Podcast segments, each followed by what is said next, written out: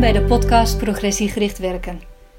Deze aflevering van de podcast gaat over progressiegericht helpen met de zeven stappen aanpak van CPW. CPW staat voor Centrum Progressiegericht Werken.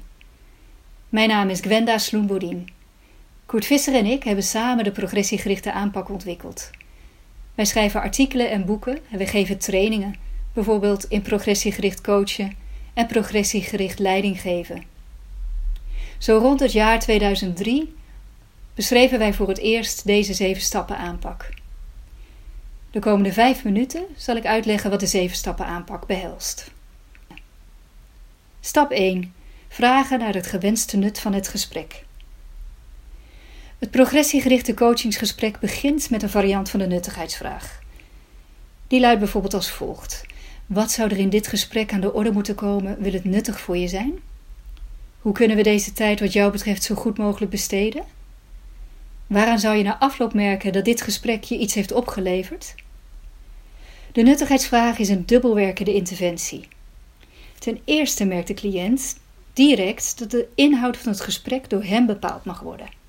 En ten tweede merkt de cliënt dat het de bedoeling is dat het gesprek voor hem zelf iets oplevert, dat het nuttig is voor hemzelf.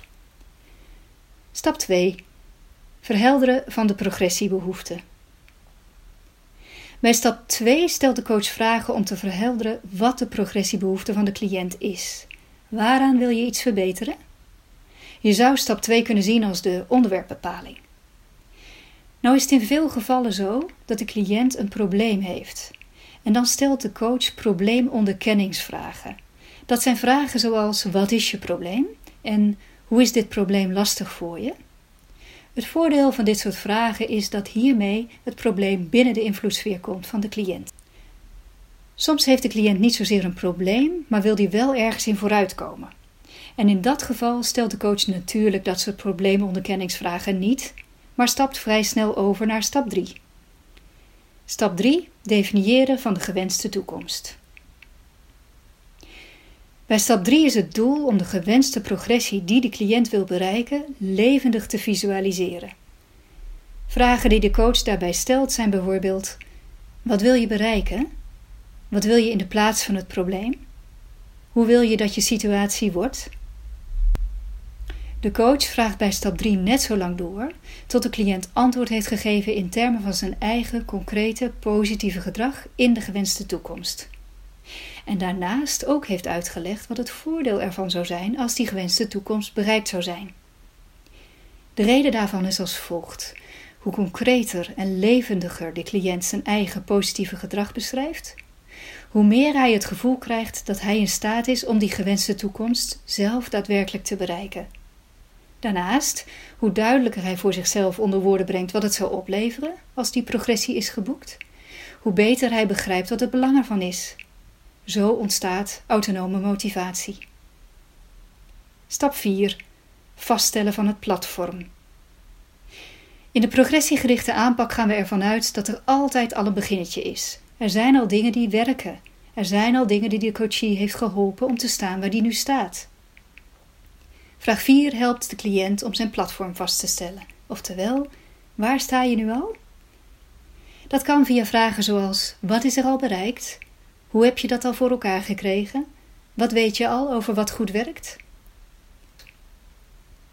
Door antwoord te geven op dit soort vragen komt de cliënt er vaak achter dat hij al een eindje onderweg is en dat er al meer is bereikt dan hij zelf in de gaten had. Hij voelt zich dus wat optimistischer worden dat verdere progressie mogelijk is. Stap 5. Analyseren van eerder succes. Stap 5 versterkt dat optimisme. Bij stap 5 komt de cliënt op concrete ideeën ten aanzien van wat in het verleden heeft gewerkt. Vragen die daarbij helpen zijn: wanneer was de situatie al een beetje zoals je wilde die wordt? Hoe kreeg je dat toen voor elkaar? Wat ging er toen beter? Wat leverde dat toen op? Stap 3 zoomt in op de gewenste toekomst. Stap 5 zoomt in op wanneer het in het verleden al een beetje zo was zoals de cliënt wil dat het wordt. Logischerwijs is de volgende stap om een brug te bouwen tussen succes in het verleden en succes in de toekomst. Stap 6. Kiezen van één stap vooruit. Vaak is het analyseren van een eerder succes nuttig voor een cliënt. De coach komt erachter of dat inderdaad het geval is, door de cliënt te helpen om een stapje vooruit te formuleren. Op welke ideeën brengt ons gesprekje voor een stapje voorwaarts? Waaraan zou je merken dat de situatie een beetje beter aan het worden is? Wat is het eerste stapje wat je nu zou kunnen zetten? Waaraan zou je morgen al merken dat het de goede kant op gaat? Stap 7. Vragen naar het ervaren nut van het gesprek. De laatste stap van de zeven stappen is opnieuw de nuttigheidsvraag. De coach vraagt: Is dit gesprek nuttig voor je geweest? En zo ja, wat was er met name nuttig? Vaak is het wel het geval dat het gesprek nuttig is geweest voor de cliënt. Maar mocht het onverhoopt niet zo zijn, dan kan de coach de vraag stellen: Hoe hadden we dit gesprek nuttiger voor je kunnen maken? De zeven stappen aanpak van CPW is een goed werkende sequentie van vragen, maar het is geen keurslijf. Aansluiten bij het perspectief van de cliënt gaat altijd voor het vasthouden aan de volgorde van de stappen. Het is een beproefd hulpmiddel om de cliënt te helpen om door te denken en op eigen progressie-ideeën te komen. En tegelijkertijd om op microniveau aan te sluiten bij het perspectief van de cliënt. Meer lezen kan in onze boeken en meer leren kan in onze trainingen. Kijk maar op www.cpw.nu.